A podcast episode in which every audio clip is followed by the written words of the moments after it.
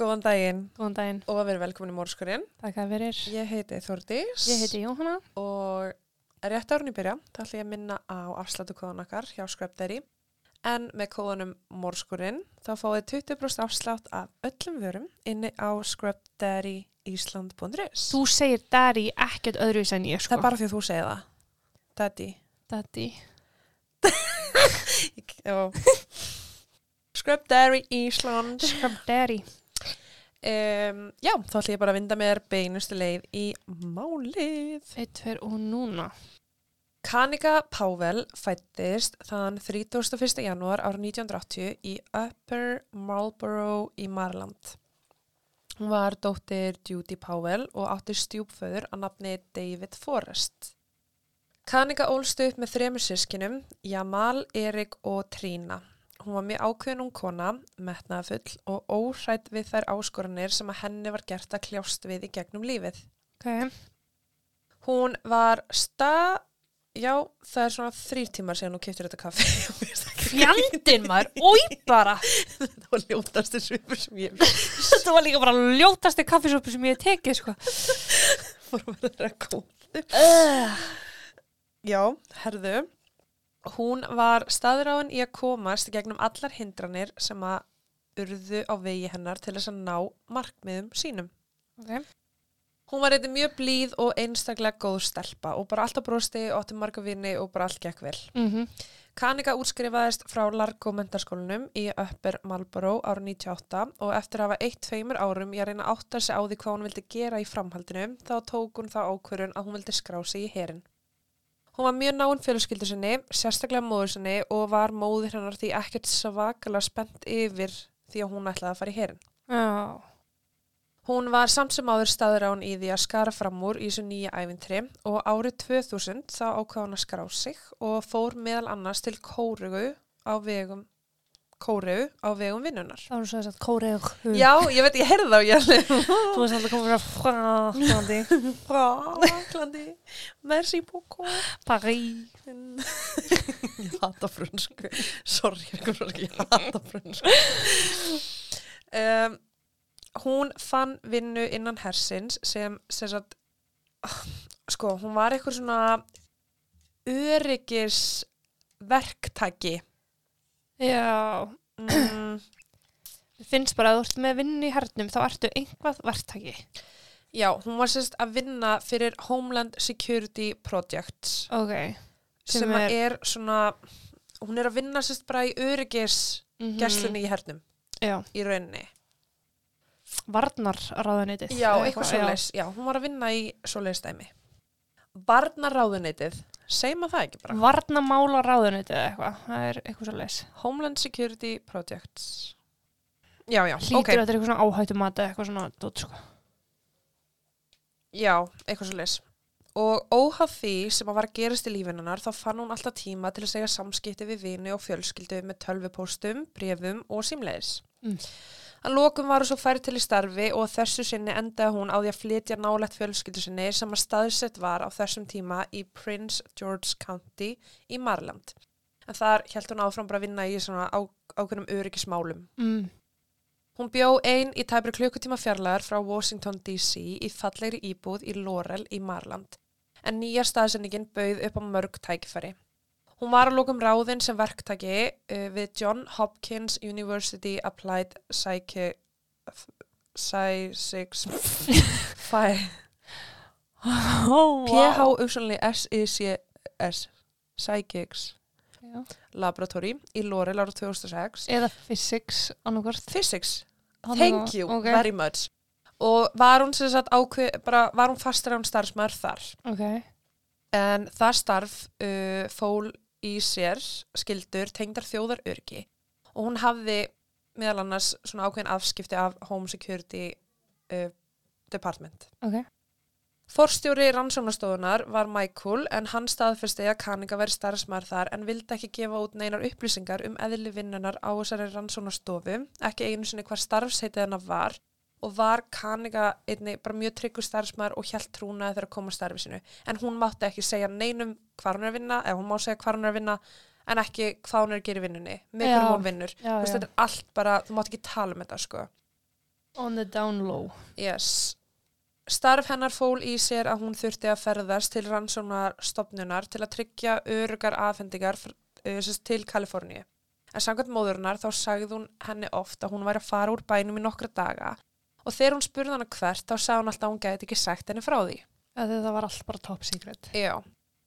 Næstu árin gengur hlutir vel fyrir Kanningu. Hún naut vinnunar í botn og síðan árs árið 2008 var Kanninga orðin 28 ára gömul og hafði starfað uh, fyrir þessa rannsónastofu í fjögur ár. Það var á þeim tíma sem að nokkur undarlega atvik fór að gerast og Kanninga varð mjög áhyggjufull í kjölfarið. Samt sem áður var hún ekki mikið að ræða þessa hluti við vininni fjölskyldu en það fannst henni hún bara bera ábyrða ákveðnum trúnaði. Mm. Mánudaginn 25. ágúst árið 2008 sendi Kanika tölvupóst til nokkra vina og fjölskyldumæðlema Mm. en samkvæmt henni þá hafði hún lent í undarlu og frekra trublandi atviki tveimur dögum áður eða sérst laugardaginn 23. ágúst. Í tölv, tölvupóstinum uh, segir hún meðal annars Ég vildi bara deila þið með ykkur þeim hræðilega atbyrðið sem að kom fyrir mig um helgina, lögðarskvöldi um klukkan sjö. Maður bankaði á dyrnar hjá mér og þið vitið, ég bý einn. Ég spurði hver þetta væri og hann svaraði ekki, svo þegar ég var komin nált hurðinni þá leiti ég út um skráagatið og sá Karlmann uh, sem ég þekkti ekki og kannast ekki við. Ég spurði hver hann væri og eina sem hann sagði var að hann væri frá FBI og að hann væri að leita að Kaniku Powell. Og svo segir hún, uh, þetta gaf mér áhyggjur að þessi maður vissi nafni mitt en hann hjælt á sagt, svona skildi ykkurum en það var engin mynd og hann gaf aldrei upp nafni sitt en hann sagðist vera að leita af Kaniku í sambandi við rannsó.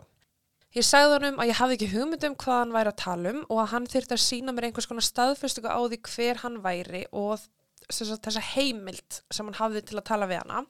En það var þá sem hann fór og ég leit út um svefnherbyggisgluggan minn og sá hann gangi burtu. Svo segir hún, ég heyrði líka í rödd uh, segja honum að ganga í gagstæða átt. Allt þetta ástand var skelvilegt og ég skildi ekki dísu og þess vegna svaf ég ekkert þar sem eftir var af helginni og núna er ég að setja upp viðvörnakerfi í íbúðinu minni. Og svo segir hún, ég var með svona myndalar viðvörnakerfi í gamlu íbúðinu minni. Öryggiskerfi. Já, Já, ok. já. Eh, Ég var með svona öryggiskerfi í gömlu íbúðinni en ég er ekki búin að færa það yfir á nýja staðin.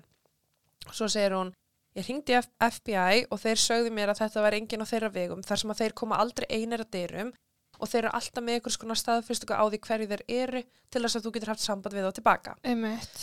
Hún sagði líka hún hefði hringt í lauruglun á staðinum til að gefa þeim lýsingu bara ef einhverjana er úti að reyna að skaða Já. konur sem búa einar. Mm En sagðvægt móðurnar þá hringdi Kanika í hana lögðaskvöldið rétt eftir atvikið og sagði henni frá þessum mönnum eða manni sem hafði bankað upp á hjá henni og sem að sagt að þeir væri frá FBI og sérst, hún sér bara eitthvað skrágatinu en hún heyrir einhver annar að segja nei, hvað til hérna, þú veist, Já, er labba. Þannig að hún gerir á fyrir séu tveir menn. Hún sagði að hún hafi verið köllið með nafni og hún væri búin að ringja og fá staðfestingu að þetta var ekki frá þeirra vegum og sérst að lögreglan leita á svæðinu og fann engan sem að passa við þessa lýsingu en það komu þeir um 14 mínútum eftir að kanningar ringdi í neðlinna sem er ansu langi, tí langu tími og mjög góðu tími til, fyrir þessa menn til að koma sér í burtu. Já, bara alveg hellingstími, sko. Það voru heldur engin önnur vittna atvikinu og FBI bara sögðust ekki vera með neina rannsón í gangi sem inniheld nafni hennar og bara könnust ekkert við málið. Mm Daginn eftir borði hann hátegismat með vinkonu sinni eða 27. ágúst og uh, hún var sérst að reyna að fá lauruglan til þess að rannsaka málið og hún hafði bara ekki hugmynd um hvað hún ætti að gera. En móðurinnar hafði miklar ágjör af henni og kanninga ákvað bara sérst að nú var komin tími til að setja upp öryggiskerfi. Sankvæmt móðurinnar þá virtist kanninga ekkert verið eitthvað hrætt, hún var meira svona reið ef einhverju var reyna að svindla á henni eða ef að það væri einhverju hættulegir, hættulegir einstaklingar úti sem að gæta eins fundi næsta fórtalam sem myndi falla fyrir þessu. Já, akkurat. Hún var alls ekki aðgerðalaus og gerði ráðstafanir til að tryggja uh, það að hún væri örug. En þetta var ekki síðasta skipti sem að hún myndi fá undarlega heimsók.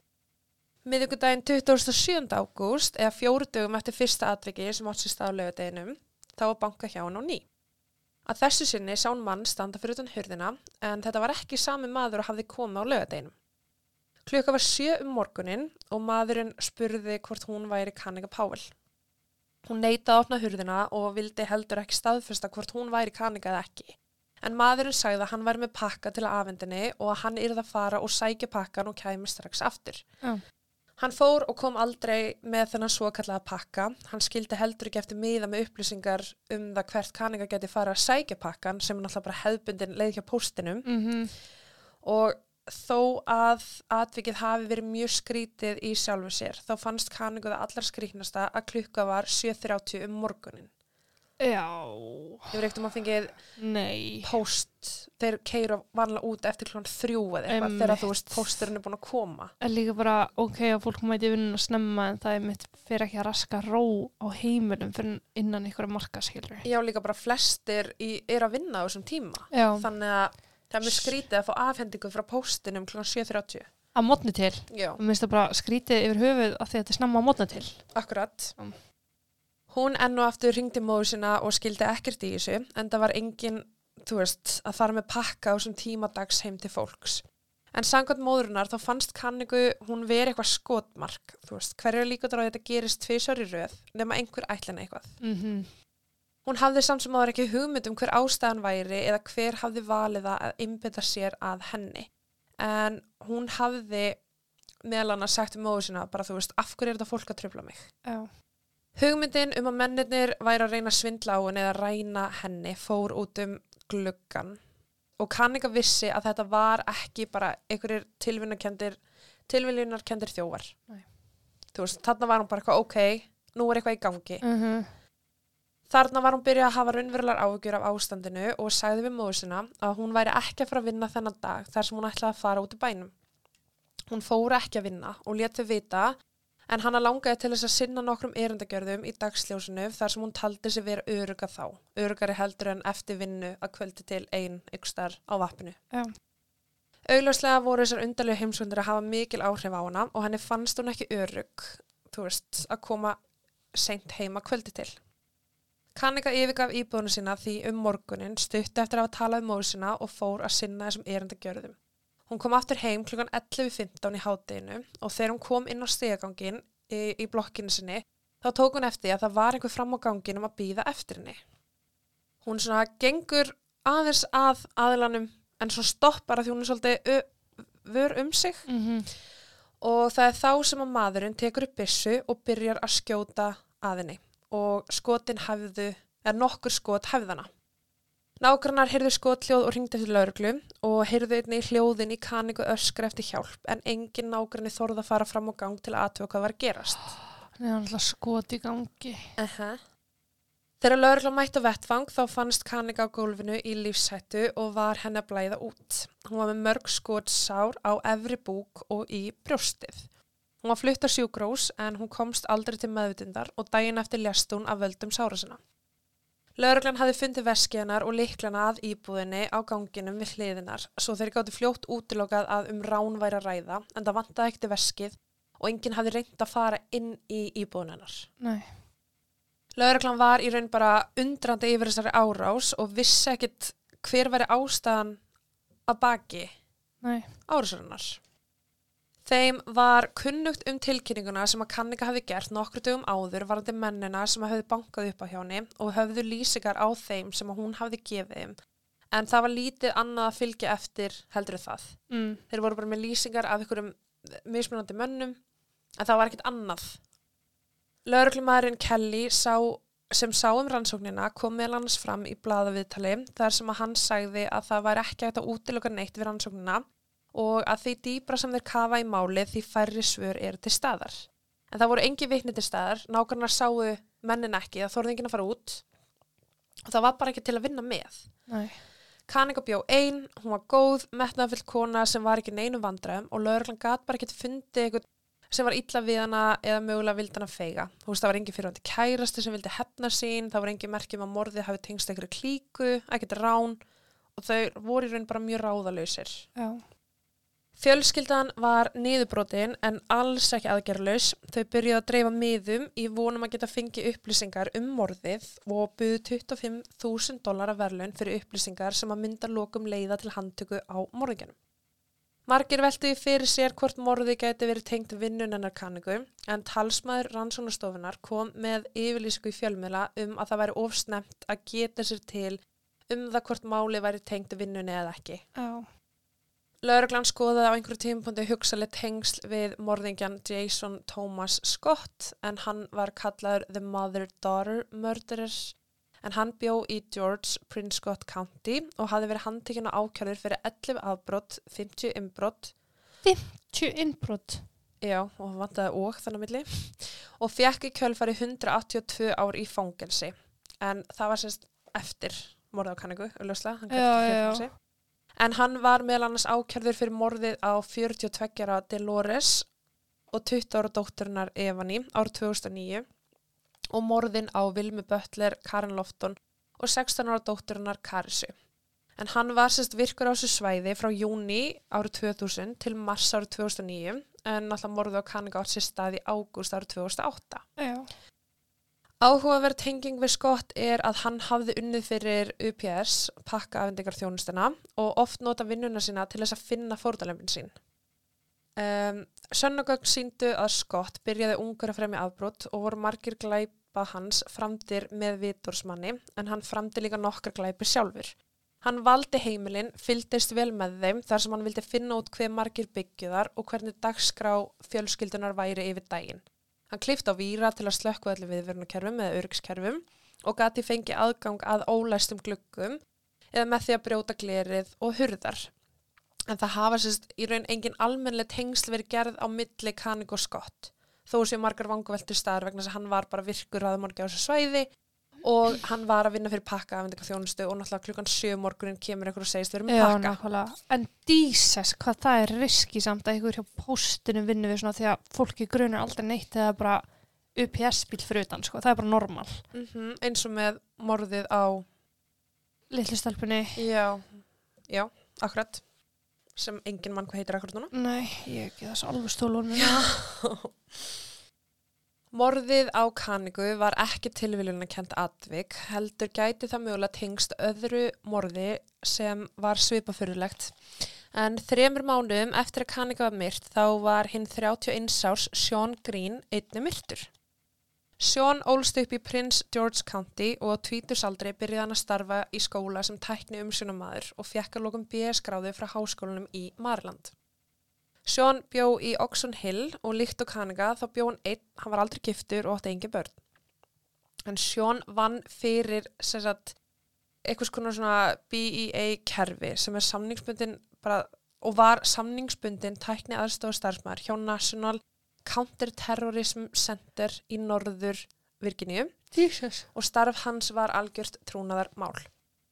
En hann vann við einhvers konar svona upplýsingatækni og var með viðkomar þjóðar öryggis upplýsingar Mm. sem hann mátti náttúrulega bara alls ekki tala um. Michael, forstjóri National Counterterrorism Center, lísti Sean sem einstökum starfsmanni og sagði að hans yrði sárt saknað. Hann hafi verið mikilvægur starfsmæður þar og hann hafi hjálpað til við að halda landinu öryggu. En meira náttúrulega getur hann ekkert sagt um starfið hans. Nei, ég geti aldrei unnið starf það sem ég mætti ekki segja nefnum neitt því ég þarf að segja þér allt. Mm Þannig að það var um milli mín og þín. Þann 12. november árið 2008 óg Sean svarta Cadillac bílunum sinum þegar hann stoppaði fyrir, fyrir aftan nokkra bíla sem að byða á rauðu ljósi. Hann hafði nýlega yfirgefið heimili sitt og var aðeins í húsaröð í burtu frá Capital Beltway sem að mættist við sagt, Virginia Lane og St. Barnabas. Ok. Skiptir engum máli. Nei, en þetta er bara, ok. hann er á svona Gatt að máta ykkur. gattamótum, já. Þegar skyndilega kemur grímuklættu maður á grænum bíl, uh, legg, svona, leggur aukumannsmegin hjánum og skýtur á nýju sinum og keiri burtu. Vitnið sem að byði við ljósið uh, sáu árásamannin en gáttu gefið mjög óskýra lýsingu á honum en það var hann alltaf með grímu sem að gera verkum engin sá andlita hans. Mm Þetta var mjög fljótt að gerast og áður en fólk vissi þá var hann náttúrulega bara múin að láta sig hverfa. Lögreglan var ekki með neitt grunaðan aðila og áttu í erfileikum með að finna ástæðu á baku þetta handóskenda morð líkt og í tilfelli kaniku. Það virði samt eins og Sean, Sean hafi verið skotmark en það voru margir bílar á staðnum og árum kemur sérstaklega upp á bílinum hans, skýtur hann og keiri burtu. Ok. Samkvæmt bróður hans þá fór hann oft út úr íbúinu sinni klukkan 5.30 á mótni til til þess að fara í rektina og það hafa verið getgátur um að sá sem að fram til morðið hafi verið að fylgjast með honum og vissi vel hvenar hann færi út og hvenar hann kæmi heim. Mhm. Heim! Skreta. Enn og aftur, svo margar spurningar, engin svör. En það er því erfitt fyrir fólk að tengja ekki þessi tvö mál saman því að þau höfðu bæði unnið einhvers konar leini þjónustu störf sem að tengdust þjóðarörgi en vinna þeirra var í um 80 km frá hverju öðru og það eru þrír mánuður á milli og 40 km á milli staðarins sem að þau voru myrt. Já. Þau virtust bæði hafa verið sérstætt skotmark og letust bæði að völdum margra skotsara. En yfirvöld hafa óbyrra lísti yfir að þau telja ekki að þessi tvö mál tengjast á nokkurn hátt en miða við skort á sönnugögnum í báðum tilfellum þá virðist að vera svolítið ómögulegt að útloka þann valkost. Já. Á þessu 15 árum frá því að kanninga var myrt þá hefur henn lítið verið gefið út eða komið fram varandi málunar og því eina sem að hægt er að gera er að skoða bara líklegar kenningar. Mm. Óupplýst. Mm Flestar af, af þeim fréttagreinum sem að fjalla um málið eða fjallu um málið á sínum tíma er ekki lengur til staðar á netinu og það er mikil skortur á upplýsingum um kanningu sjálfa þar sem hún alltaf var að vinna leinlegt starf og þá má hún alltaf bara ekki ræða það og það er því að finna einhverjar upplýsingar til að sanna eða afsanna það að þetta hafi eitthvað verið tengt vinnun hennar Nei. og þetta má enginn koma fram og segja neitt Nei. Um, fyrsta kenningin er náttúrulega bara það að hún hafi verið myrt í algjörlega tilvíluna kendu atviki þó að kanninga hafi sjálf haldið fram að hún væri skotmark þá hafa sumir getið sér til um það að mennirnir sem höfðu bankað hjá henni hafi raun bara valið hann af handahófi. Já. Það eru samt sem áður vísbendingar um að svo hef ekki verið en þeir til dæmis böngu upp á henni og báðu sérstaklega um nafnið hennar. Já. En þá er einmitt líka spurningin, sáur nafnið á hurðinni í símaskroni? Hljómar samt riski að vera með nafni sitt í símaskráni eða á hörðun sinni þú vinnur svona starf sko. Mm Já. Ég veit að hún hafi verið með nafni sitt í símaskráni eða Mm, þú veist, það er alltaf að tala um að nafnið hennar var óbundbert, bara Ok, sem ok. nafnið hennar. Já, ok. Já, náttúrulega, þú veist, hún kannski var í símaskráni árið áður en hún fekk starfið, þá var hún í símaskráni öll árun undan. Já. Önnur kenning er að morðið hafi ekki verið tilvunarkend og framkvæmta ykkur sem hann þekkti. En sömur vilja meina að þessir menn hafi verið sendir sérstaklega til hennar með það markmið að drepa hana af einhverjum ástæðum Mm. og af einhverju sem að kanninga þekkti. En hún var samt ekki í útustöfum við neitt, uh, engan fyrir, fyrir um kærasta eða aðra og þú veist, margir hafa velti fyrir sér hvort dæmi þetta tengist uh, vinnunennar. En máli er að starfið hennar var mjög leinilegt og það er því ómögulegt að segja til um það hvernig vinnusamband hennar var við samstarfsfélaga. Þú veist, var hún að hitta eitthvað í vinnunni, var hún að rífast við eitthvað í vinnunni, við einmitt. veitum það ekki. Þriðja kenningin er svo að kanninga hafi verið drepin af uh, Jason Thomas Scott. Þess að segja, hann var virkur á þessum tíma, hann starfaði fyrir UPS og gæti, hann var alltaf að koma með pakka til hennar. Hann hafði sögum óbylsklæpi og hafði drepið bæði fyrir og, fyrir og eftir að kanninga lest. Þú veist, geti verið að hún hafi bara verið eitt af þessu fórtalömpum. Svo er kenningin með Sean Green, sagði þeirri kenningu uh, var þetta morð ekki tilhörnakent og það voru okkur tengsl varandi stöðu þeirra innan sagt, vinnunar. Sagt, bara hvernig, hvers konar starfur þau vinna vegna þess að það eru, það eru rosalega margir sem að starfa innan svona deildar sem eru drefnir Mhm. einungis vegna vinnunar Mhm.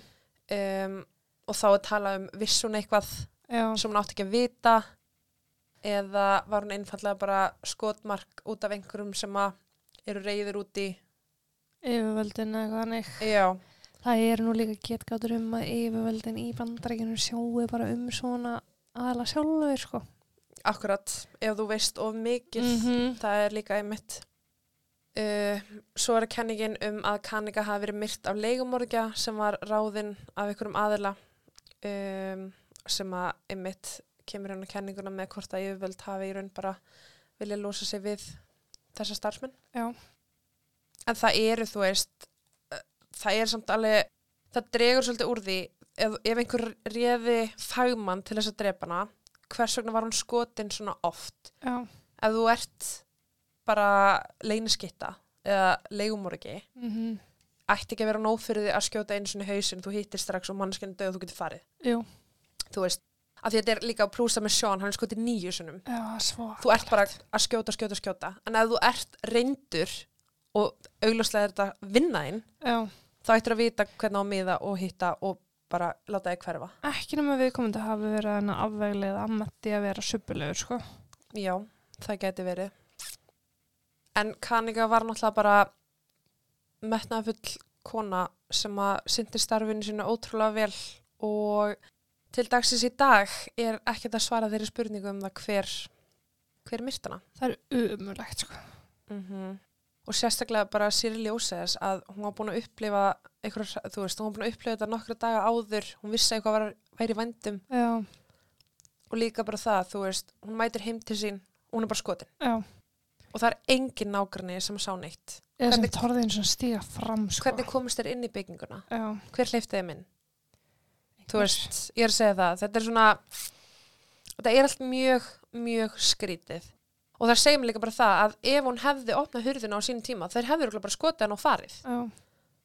En, en já, máli hennar kanningu er bara ekkert meira við það að bæta.